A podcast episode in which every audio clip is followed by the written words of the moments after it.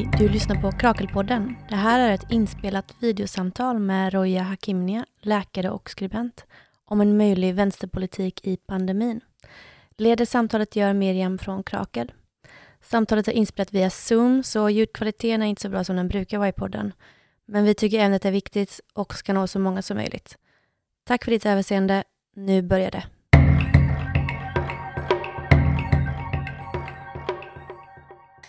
Eh, skulle du vilja börja med att presentera dig, vem du är och vad du håller på med? Ja, eh, jag heter Roja Hakimnia och jag jobbar till vardags som ST-läkare i allmänmedicin. Alltså jag ska bli en allmänläkare.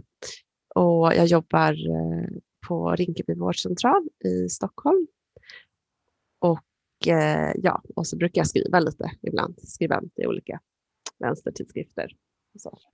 Mm. Eh, jag vill börja med att fråga, hur har den här pandemin varit för dig? Från början och hur är det nu i den andra vågen? Ja, eh, det började ju väldigt dramatiskt för, eh, för Rinkeby och Järvaområdet där Rinkeby ligger i. Och ehm, det var ju under våren så var Järvaområdet och Rinkeby väldigt drabbat, det mest drabbade området i Stockholm och jag antar i hela Sverige då eftersom smittan var som mest högt i, alltså högst i Stockholm och är det nu igen. Um, så vi fick ju se det här från liksom första parkett kan man säga liksom, eh, tidigt när uh, vi eh, såg att uh, många sjuka kom till oss och behövde ambulans nästan direkt. Och vanligtvis så skickar man kanske en person varannan vecka eller så eller, ja, till sjukhusen och nu var det flera gånger per dag. Så det var ju uppenbart för oss att det är en allvarlig sjukdom som har spridit sig i samhället och att det drabbar många som har andra sjukdomar sedan tidigare. Och att det kan drabba ganska unga människor också. Just när människor, unga, yngre människor som har eh, både att man arbetar mycket i kontaktnära yrken eh, men också att man kanske har ja, risksjukdomar även i tidigare ålder. Så att för oss så såg vi allvaret väldigt tidigt. Eh, och det har väl påverkat min syn på pandemipolitiken såklart. När jag har sett det från nära håll och kollegors vänner som har avlidit och man hör patienterna hur de har drabbats och så. Mm. Och nu så är det lite lugnare, det är inte alls samma eh, tryck på, men vi, vi, märker att det ökar. Men eh, det är inte samma, det är inte ambulanser varje dag som det var under våren och så. Så smittan går upp men eh, Rinkeby och Järva är inte lika drabbade nu i andra vågen. Mm. Mm. Jag antar att det också påverkat dig att du själv har jobbat så nära eh, riskerna och att ja, villkor. Ja, precis. En viktig fråga är ju det här med munskydden som eh, vi hade brist på första veckorna när det var som värst och det, det var ett, ett tag så återanvände vi de här blåa vanliga munskydden i flera dagar. Eh, vi hade brist på det, vi visste inte när nästa leverans kom och så samtidigt så fick man höra att andra vårdcentraler hade tillräckligt som, som Ehm, inte alls hade lika många smittade. Så att personligen så kändes det också väldigt såklart eh, jobbigt och ja, lite irritation över att, det, att eh, man kommer riktlinjer uppifrån kring att man bara skulle ha visir till exempel, att det skulle räcka. Men de visir vi fick in ofta var ju sån här overheadpappervisir som kom kanske hit och det sa ju sig självt, det behöver man ju inga liksom, forskningsrapporter eller någon expert som berättar för en att om visiret kommer hit ungefär och inte ens täcker liksom under, då behöver man ju någonting för mun, munnen. Som tur var fick vi bra leveranser sen av munskydd och kunde liksom ha dubbel visir och munskydd. Men enligt rekommendationerna skulle det ha räckt med våra visir. Men som tur var så hade vi möjlighet att göra mer och använda mm. mer. Mm. Hur är läget nu? Känns det som att det har förbättrats? Finns det liksom en annan beredskap nu? Ja, än så länge finns det ju skyddsutrustning och så. Och absolut, vi har ju lärt oss så mycket om sjukdomen och jag tror det kom siffror nyligen om att eh, antalet som blir sjukhusinlagda, att dödligheten ändå är hälften av vad det var i våras. Fler överlever från IVA-vård, så det, det finns ju ljusglimtar, absolut. Vi har lärt oss mycket om, om sjukdomen. Mm. Mm. Du har ju också skrivit flera väldigt intressanta och uppmärksammade texter som både är från din läkarståndpunkt men också förstås ur en vänsteranalys. Jag tänkte, jag är jätteintresserad av att prata lite mer mm. med dig om det. Bland annat så skrev du att eh, varje liv som förloras i en pandemi är politik och att mm. vi behöver en vänsterpandemipolitik. Mm. Mm. Skulle du vilja utveckla lite mm. hur du tänker? Mm. Ja, absolut. Det kanske är överdrivet att varenda liv, men väldigt många liv i, i den här pandemin tycker jag är, är politik eh, som har gått förlorade. Och för det första vill jag bara slå fast att det här verkligen är en fråga för vänstern. Vi, det kommer rapport i dagarna om att i Stockholm till exempel så är människor med låg utbildning eller kort utbildning löper fyra gånger större risk att dö i covid-19 än de med hög utbildning.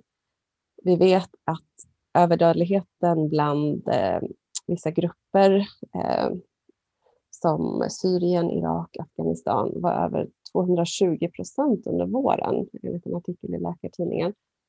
Eh, så att det är både rasism här och det handlar om klass.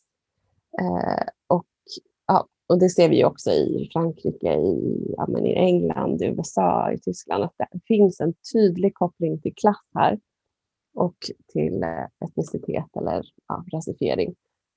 Så att för mig är kanske den här ståndpunkten, det här liksom det som gör att jag blir som mest upprörd och liksom känner att det här är någonting vi verkligen måste ta på allvar, att det finns så mycket politiskt då bakom. För om det är en bara virussjukdom, varför drabbar det inte alla exakt lika? Och generellt så är det ju få liksom sjukdomar som drabbar exakt likt, utan det finns ju mycket politik inbakat i både uppkomsten, jag menar eh, pandemin och hur det har uppkommit, jag de senaste infektionssjukdomarna eh, som har gått från män, eh, har liksom, eh, är enligt FN och Världshälso eh, WWF, WWF och Världsnaturfonden och, ja, är beroende av, skapade av människan. Och det handlar om en, att vi har mer och mer närmat oss det vilda och exploaterat naturen och naturliga habitat och skydd mot pandemier har brutits upp. Det handlar om jordbruksindustrin, eh, det handlar om hur vi paketerar djur i eh, tajt och gör att det sprids influensavirus där väldigt snabbt. Alltså det här är ju uppkomsten av infektionssjukdomar och zoonoser, alltså infektioner som går via från, människa, från djur till människa, är skapade av oss. Och vi som socialister förstår ju förstås att det inte är vilka människor som helst, utan det är ju de som skogsskövlar, det är de som äger de här stora företagen som, eh, ja, som, bestäm, som kan bestämma över livsmedelsproduktionen och så. Det är ju inte liksom arbetarna på, eh, på fabrikerna och på livs, i liksom jordbruken och så, utan det är ju de som äger. Så det, här, det är det jag menar lite att det är uppkomsten är politisk och här är ju FN mer radikal än kanske många vänster liksom, ja, grupperingar eller partier och så är. Och eh, vi måste förstå att det här också kan hända igen. Och det kommer förmodligen hända igen. Pandemier står bakom hörnet och det är ju någonting som många har, forskare har varnat för länge. Så att uppkomsten, där hittar vi väldigt mycket eh, politik och jakt efter vinster och exploatering av naturen. Sen handlar det om hur vi bemöter pandemin och då kommer det ju in bland annat sjukvården. Och den är ju som vi vet har ju blivit gått igenom enorma förändringar de senaste decennierna med privatiseringar av väldigt stor del av vården, särskilt och framförallt i Stockholm då, som är pådrivande privatiseringar där också pandemin har slagit hårdast, vilket förmodligen har en viss koppling eh, bland annat genom privatiseringen äldreomsorgen här. Så då är sjukvården också politik och sen handlar det om såklart allting annat med pandemipolitiken, om alla ja, de här vad vi, vad vi ska göra och nedstängningarna och eh, det drabbar ju också arbetarklassen och rasifierade mm. mest. Så att jag på så sätt menar jag att politik är liksom inbäddad i hela pandemin och att vi helt enkelt inte, det, det farligaste vi kan göra är att se det här som bara ett naturligt fenomen som bara kommer bara acceptera. Och de, alla som har dött, de skulle ha dött ändå. Det, det tror jag är farligt tänkande. Mm. Så det är liksom, eh, man måste göra en politisk analys av uppkomsten, av spridningen, av hanteringen av mm. spridningen mm. och hanteringen av de sjuka. Mm. Liksom hela, hela vägen menar du är genomsyrad ja. Och sen när det kommer till vaccinering nu så har det också 80 procent av eh, vaccinationer uppköpta av rika länder. Eh, och även där fortsätter liksom ojämlikheten och orättvisan. Eh, ja, så det är, mm. det är många saker det är att tänka på och som hänger ihop. Mm. Som också hänger ihop då med, med klimatförändringarna också, som också bygger, är orsakad av en, ja, den brutna liksom, eller den exploaterande relationen som människan utövar över eh, naturen och också klimatförändringar kommer leda, leda med sig flera infektionssjukdomar och förändrat sjukdomspanorama. Så att det är, ja. Mm. Ena sidan så känns det så himla stort men å andra sidan så finns det ju röda trådar hela tiden och det är ju jakten efter profit och att den går före människors liv och hälsa. Det här är ju vad det landar i. Eh, mm. Ja. ja. men, eh, jag tänker att det, det är som en eh, det har ju kallats av en del som en, ett genrep till den stora klimatkrisen. Mm. Mm. Vad tänker du om det, om relationen liksom till, mm. till framtida klimatkris? Uh, ja. Uh, å ena sidan så visar det ju hur mycket man faktiskt stater kan göra och hur mycket pengar som ändå finns som man kan investera uh, i. Alltså, och det är ju lite märkligt just som många har varit inne på, just att man kan satsa så mycket mot corona liksom, men inte kan satsa lika mycket och snabbt för liksom, klimatförändringen som ja, hotar hela vår existens på, på jorden. Så ja, jag, jag har svårt att se om det här kommer hjälpa oss, men det visar ju på att det går. Eh, mm. Att faktiskt, ja. ja. Att politiska beslut kan... Eh, politiska beslut kan äga rum och det finns pengar och eh, ja, Precis. man kan låta människoliv gå före profit. Och det är ju intressant, på vissa sätt har vi ju sett det faktiskt, att när staten stänger ner eh, flera massa verksamheter och företag och så, att man faktiskt uppenbarligen kan sätta, för men någonstans är det ju så att men, ja, finns inte vi människor så finns det ju inte profiten heller. Så det har varit det är lite intressant att se de paradoxala eh, ja, att, att eh, också ja, att man stänger ner företag och faktiskt låter profiten eh, vila mm. ett tag. Decennier av nyliberala sanningar blir eh, på något vis eh, bortsvepta helt plötsligt. Mm. Men, ehm, ja, men jag tänker också att det handlar om att det, att det synliggör, precis som du säger, det, det reproduktiva eh, den reproduktiva sfären, det reproduktiva arbetets totala Mm. Det är en total förutsättning för kapitalismen i stort. Mm. Ja men absolut. Um, men tänker du, för att ja, men inte minst i Sverige så hanteras ju frågan väldigt mycket som eh, en fråga för experter, mm. vetenskap. Um, mm. Den är ju otroligt avpolitiserad. Vad tänker du om, mm. om, riskerna mm. med det och tycker du att vänstern har gått på det för mycket? Um, Ja, alltså jag, jag tillhör ju verkligen inte de som menar att det här är en fråga bara för medicinska experter. Jag tror att vi tidigt bestämde oss för det. Jag kommer ihåg det var någon intervju med Jonas, Jonas Sjöstedt i mor, någon morgonstudie eller så, där han sa att men det här frågan är väl ett, låter vi till medicinska experter. Men det är väldigt svårt. Alltså, å ena sidan vill man inte hamna i de här... Äh, jag förstår liksom ståndpunkten där att vi måste i en, menar, en värld med fake news där liksom alla, liksom, ja, att när det finns så mycket tro mot vetenskap och så, så är det viktigt att prata om att det finns objektiva sanningar, självklart, där ute. Men mitt i en pandemi eh, och när frågan handlar om hela våra samhällen, vad vi vill planera, alltså det handlar om våra jobb, det handlar om ja, sjukvården, det handlar om våra fritid. Där, det tycker jag inte är en fråga bara för medicinsk expertis. Hela folkhälsan handlar ju om väldigt mycket politik faktiskt. Och jag tycker att man ska lyssna på medicinsk expertis men man måste kunna ta in olika experters åsikter för det första. Det blev ju lite så att det bara var Tegnell liksom, som var vår expert. Och även när, man, när deras riktlinjer gick emot WHOs, liksom, eller jag går emot, jag menar, man, jag tycker man ska kunna ta in olika experters åsikter för det första och sen också hela tiden komma ihåg att vi är i en ny situation, vi behöver försiktighetsprincip, vi behöver överreagera.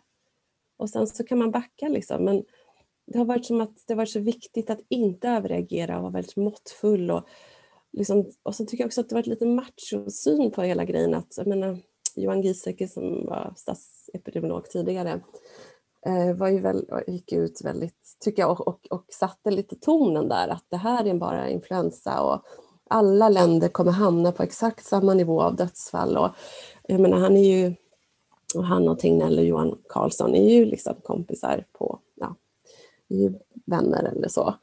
Och det satte lite tonen och liksom Tegnell har sagt flera gånger att ah, jag var med i ebola på 90-talet eller så. Här. Det är som att det är så coola dudes som bara liksom tycker att ah, men, ah, men vi har varit med om ebola, vi har varit med om värre, värre saker. Men det här är tillräckligt illa. Liksom. Det är ju, ja, vilken annan sjukdom har, tar, liksom, har tagit en, en och en halv miljon människors liv på så här kort tid i vår alltså moderna, det är väl liksom svenska sjukan, men sen är det ju, det här är ju väldigt allvarligt och hela våra samhällen står still och liksom folk har förlorat sina jobb. Och jag menar, det här är inte en vanlig influensa, uppenbarligen. Mm. Eh, alltså jag tycker det har varit lite macho-attityd också kring det här. Och det här är så här, också lite, som jag fortfarande hör, att ja, men vi har så många skröpliga alltså äldre och det här är folk som har levt lite på övertid. Eller, alltså de hade ju ändå dött av något. Jag, tycker inte, jag, jag vill inte gå med på en sån syn på människor och på äldre. Um, att, de mm. liksom, att det spelar ingen roll om man lever ett halvår till eller inte. Det spelar viss roll och det spelar ju jättestor roll hur man dör. Mm. Alltså för anhöriga särskilt. Liksom. Det är många, alla de här IVO-rapporten som kom idag är ju helt ja, svidande kritik mot hur vi har behandlat de äldre under pandemin. Där liksom var femte inte fått en läkarbedömning och hälften av dem inte ens har fått en sjuksköterskebedömning, ska eh, komma nu, det berättar man nu idag om granskningen. Mm. Och, och det var ju kritik mot alla regioner, alla 21 regioner. Så att, om vi inte tror att vi hade kunnat göra annorlunda, då... Jag menar, det är så antiintellektuellt för det första, liksom, och att inte ta, dra slutsatser av första vågen. Och sen så ja, nej men vi måste ju tro att vi i alla fall kan förhindra och hade kunnat förhindra en del av liven. Ja. Mm. Jag tänker då mm. att eh, med vänsterpandemipolitik, mm. Om man tänker liksom den breda vänstern, mm. eh, vad, vad, skulle den kunna innebära dels på mm. kort sikt? Lång sikt har du ja. vi varit inne på lite grann, men vad tänker ja. du att man skulle gjort? Alltså, ja, Alltså första vill säga att, att, att Vänsterpartiet har ju ganska bra förslag tycker jag, men man har liksom inte drivit det. Men man ser ju, de har ju förslag på ja, typ taxiresor för folk inom sjukvården eller att man ska erbjuda de som är trångbodda möjligheterna att, hålla avstånd och isolera sig. Eh, och flera andra förslag, typ matutdelning till riskgrupper, det där tycker jag är jättebra. Men jag tycker att jag ser inte att ledningen har liksom pushat det här så mycket utan ja, jag tycker mer självförtroende i det, att det finns en socialistisk eh, pandemipolitik. Och jag menar, vi måste ju, alla restriktioner vi har, det måste ju följas med vänsterpolitik, annars drabbar det ju självklart liksom arbetarklassen främst. Och det gör det ju redan. Um, men sen tänker jag kort sikt, så det finns vissa saker som kanske inte direkt Alltså handlar om klass eller socialism, men det är liksom typ det här med att testa och smittspåra och isolera. Jag menar, jag tror inte Alltså jag fick testa mig, som sagt var, jag jobbade på den mest drabbade vårdcentralen i hela Sverige förmodligen. och då, vi fick inte testa oss förrän i, ju, i juni och då testade jag mig via Spotify som hade kommit igång med någon antikroppstestning och sen några veckor senare så var det, fick vi möjlighet att testa om vi hade varit sjuka. Jag, menar, jag kunde inte testa någon patient förrän i juni, juli. Mm. Men det, här, det, det, det, tycker jag nästan är steg ett. Jag menar, nedstängningar så, det är svårt. Liksom. Ehm, jag tycker att vi är på en bättre linje nu. Jag tycker det är bra också att regeringen tar eh, tar kommandot här för att det handlar om politik så mycket.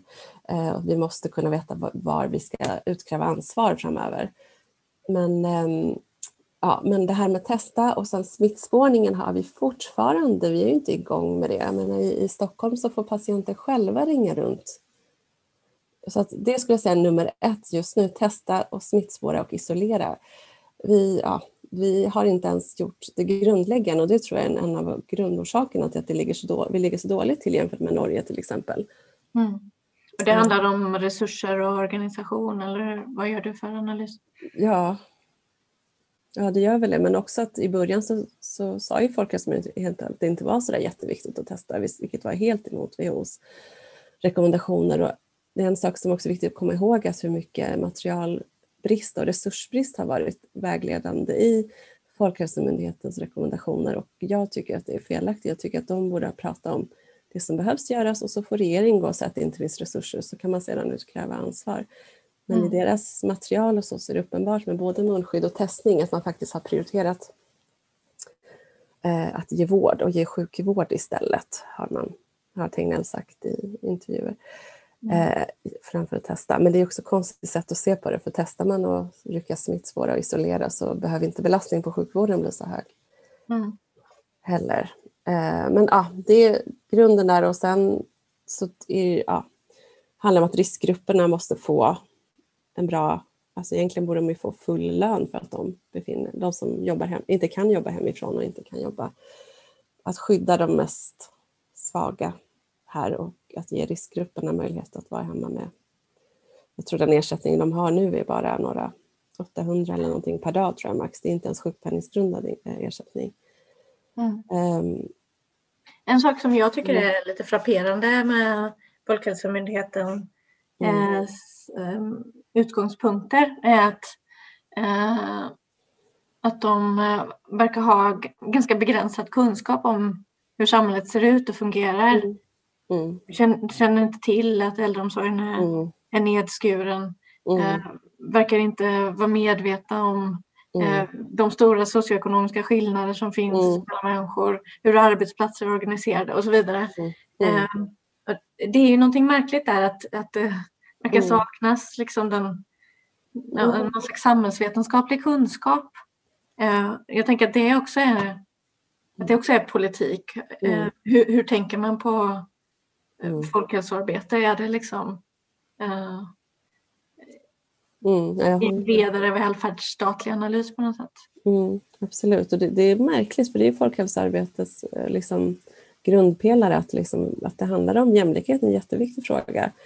Och att det här handlar om att man ja, pratar om sjukdomar som går att förhindra till viss grad. Eh, och det är konstigt att man till exempel den här rasojämlikheten som man har sett liksom, eh, under våren i alla fall. Och nu får vi se, jag tror, att, jag tror inte det kommer att se annorlunda ut nu, men att man inte riktigt dragit slutsatser av det. Det finns inte liksom riktigt ord som diskriminering med i deras rapporter jag har läst. Jag läste någon rapport nu om, om hur man ska tänka inför en andra våg under jämlikhet, och så var det så lite. Det handlade inte ens om jämlikhet, det var liksom mer, ja vi får tänka på typ kommunikationen utåt med grupper som inte kan prata svenska och så bra svenska. Det var liksom ingenting om diskriminering eller jämlikhet. Eller, ja.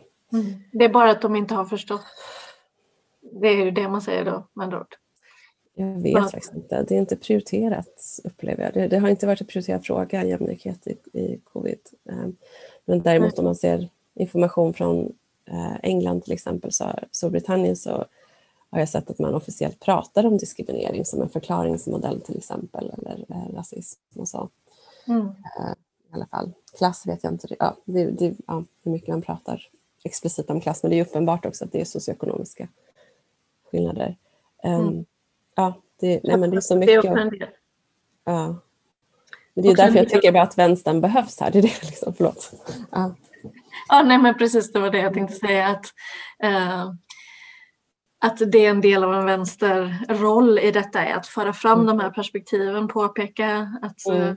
De här perspektiven saknas. Mm. Mm. Men man bara tänker på det som en naturlig sjukdom och vi kan ändå inte göra någonting och vi gjorde vårt bästa och vi är mycket bättre än Peru eller vi är mycket bättre än ah, du vet hur folk liksom jämför det. Vi är bättre än Belgien, men alltså jämför till exempel med Norge. Liksom. Vi, måste jämföra, vi är ju en välfärdsstat, eller ska vara, eller har varit i alla fall.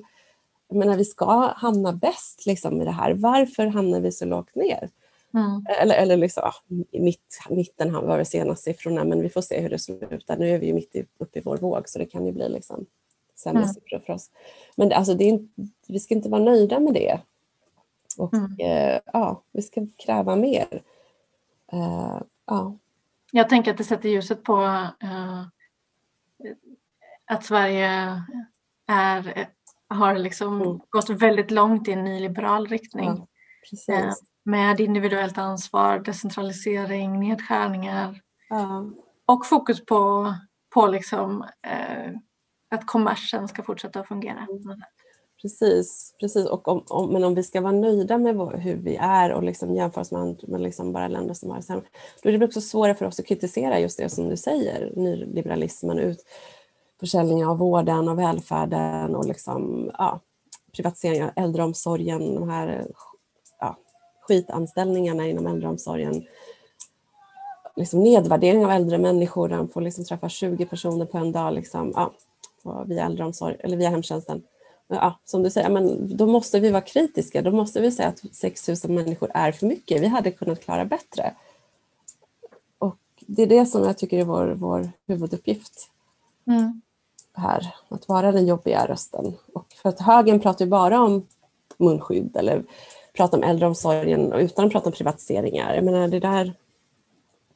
Vår röst ja, behövs. Mm. Jag menar inte att vänstern inte har kritiserat nyliberalismen och inte kritiserat liksom äldreomsorgen privatiseringar. Jag ser att Vänsterpartiet har många bra förslag men ja, jag tror att vi har, har, har kan göra mer.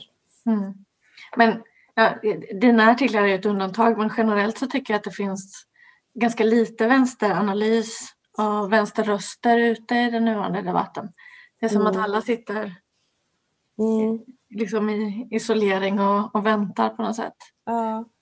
Men det är också så här, det är inte så man ska inte vara så rädd för att säga fel heller. Liksom. Visst, alltså, mycket av det jag skriver är säkert helt bananas. Liksom. Alltså, efter några månader kanske vi bara, men det här var helt sjukt. Men vem, vem bryr sig? Liksom? Vi måste ju kunna analysera saker och ting nu och vi måste bara tycka att varenda jävla liv är viktigt. Och det är det som är, det är därför vi är liksom socialister. Vi vill liksom att människor ska leva så bra de kan och de ska liksom oh, ha hälsan i behåll. Om, alltså det handlar om, ja. Mm. Precis, det är också någon socialistisk humanism som borde stå mot den här väldigt eh, kalla rationella ja. hållningen som Ja, precis, den här kurvpolitiken och där liksom man bara tittar på, stirrar sig blind på kurv. Sen är alla med långtidseffekter av covid-19, det, det, ja, det läser man mer om allt mer här.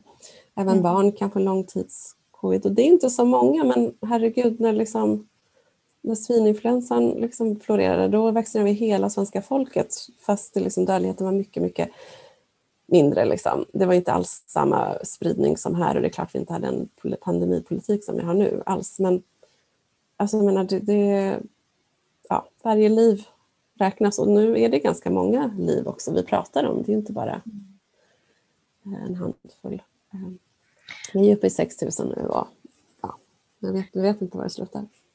Men jag tänker på eh, en sak eh, som också blir lite svår för vänstern, för det känns som att de alternativ som finns till, eh, eller om man tittar ut globalt eller över Europa, det mm. som finns som alternativ till den här svenska då ganska liberala hållningen mm. är ju å andra sidan en väldigt sådär en stark statsmakt som agerar eh, väldigt repressivt, eh, poliser på gatorna och och så vidare. Mm. Eh, och, och, det känns svårt att, att vara för det som vänster.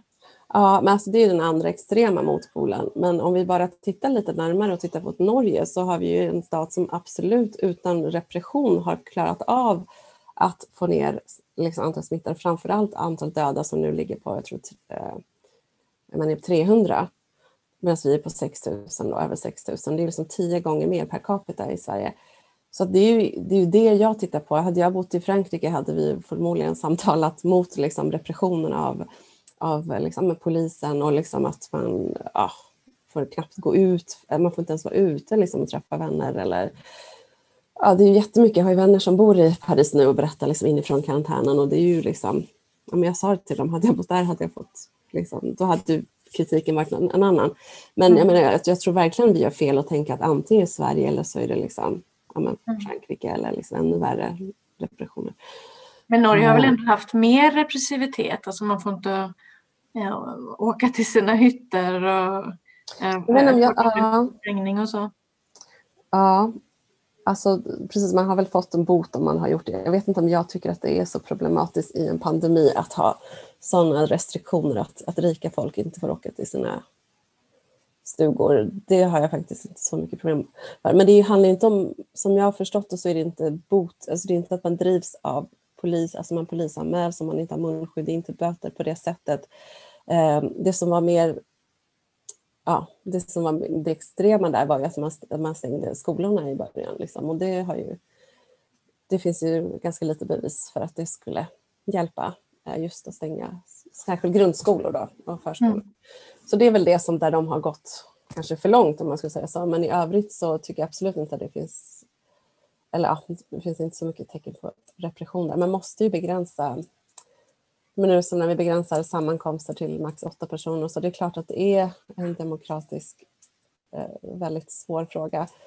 Men ja, det är liksom, har vi inte liv, lever vi inte så, så, så kan vi inte ha mötesmöten ändå. Liksom. Vad ska vi ha demokrati till om, om vi inte... Mm. Ja, livet kommer ju först och sen... Men jag menar inte att det är lätta frågor men jag tänker absolut att Norge, att vi hade varit en och, och jag tror också att vi hade kunnat eh, ja, med, med testning och smittspårning, isolering i tidiga skede och kanske användning av munskydd. Eh, med sådana åtgärder som inte är så stora ingrepp så tror jag att vi hade haft en annan, en annan situation. Att man också tog det här på större allvar snabbare. Mm. Men jag tänker att liksom en aspekt av, av det där med eh, tydligare nedstängning, tydligare regler och så är ju också att statsmakten, eh, mm. att man ger liksom statsmakten verktyg och eh, att det finns kanske risker för, för framtiden. Mm. Ehm, men jag menar det är ju en, en, intern vänsterdiskussion också hur man ser på mm. statens roll. Mm. Ja, nej men det är, det är svåra frågor. Därför har inte heller nedstängning, total nedstängning varit huvudfokus liksom, på, på, i alla fall det jag har skrivit, eh, fast jag har glömt det, men, men absolut. Men jag tänker också ibland att det är lättare att om, om gym och liksom restauranger som stängs ner med en full kompensation av lönen för arbete så är det liksom lättare för arbetare att, än det här att man bara och också att de är halvöppna, men de, ja, då är det bättre liksom att vara tydliga och, och jag tänker att det är bättre för arbetare om man kanske stängt ner vissa verksamheter som ändå inte ska ha några liksom, eh, och, och istället erbjuda full ersättning än att, som det är nu att de är halvöppet och så sparkar de massa folk och för de går inte runt. Och, eh, ja. Men mm. eh, sen är det, ja, det är klart att vissa saker har varit bra i Sverige men det är klart jag hellre vill bo här än bo i Paris liksom, just nu. Så är det ju. Jag hade hellre bott i Norge Mm. Jag, mm, Nej, men jag tänker att äh, äh, ja, men det, det, finns ju också någonting i detta. Det finns, nu är det ju liksom lagtekniska skäl också till det, men att, att det man stänger är äh, kultur och, mm. och det sociala möjligheter för människor att, mm. att mm. mötas och prata och så vidare. Men, mm. men arbete och kommers är, är väldigt opåverkat. Ja, och det tycker jag vi ska kritisera, absolut. 100 mm. procent. Det är den kapitalistiska världen vi befinner oss i, absolut. Mm. Mm. Det är ju helt fel.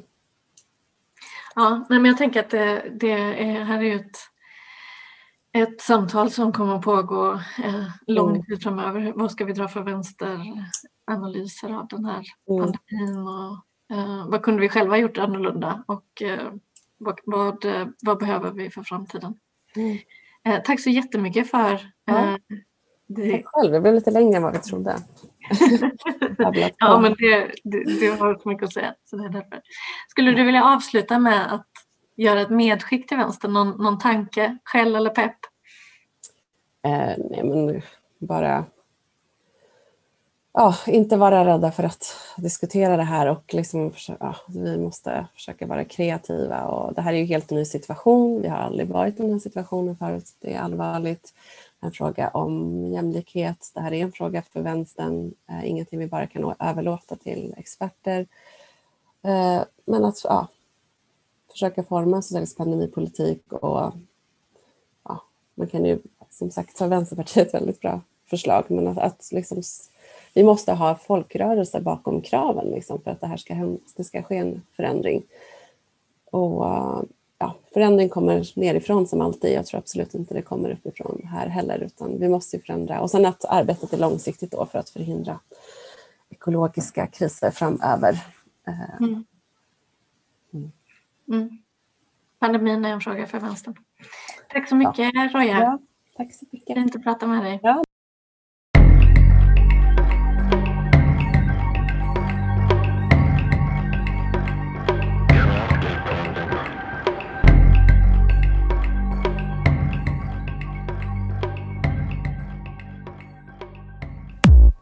Du har lyssnat på en podcast som görs i samarbete med ABF Malmö.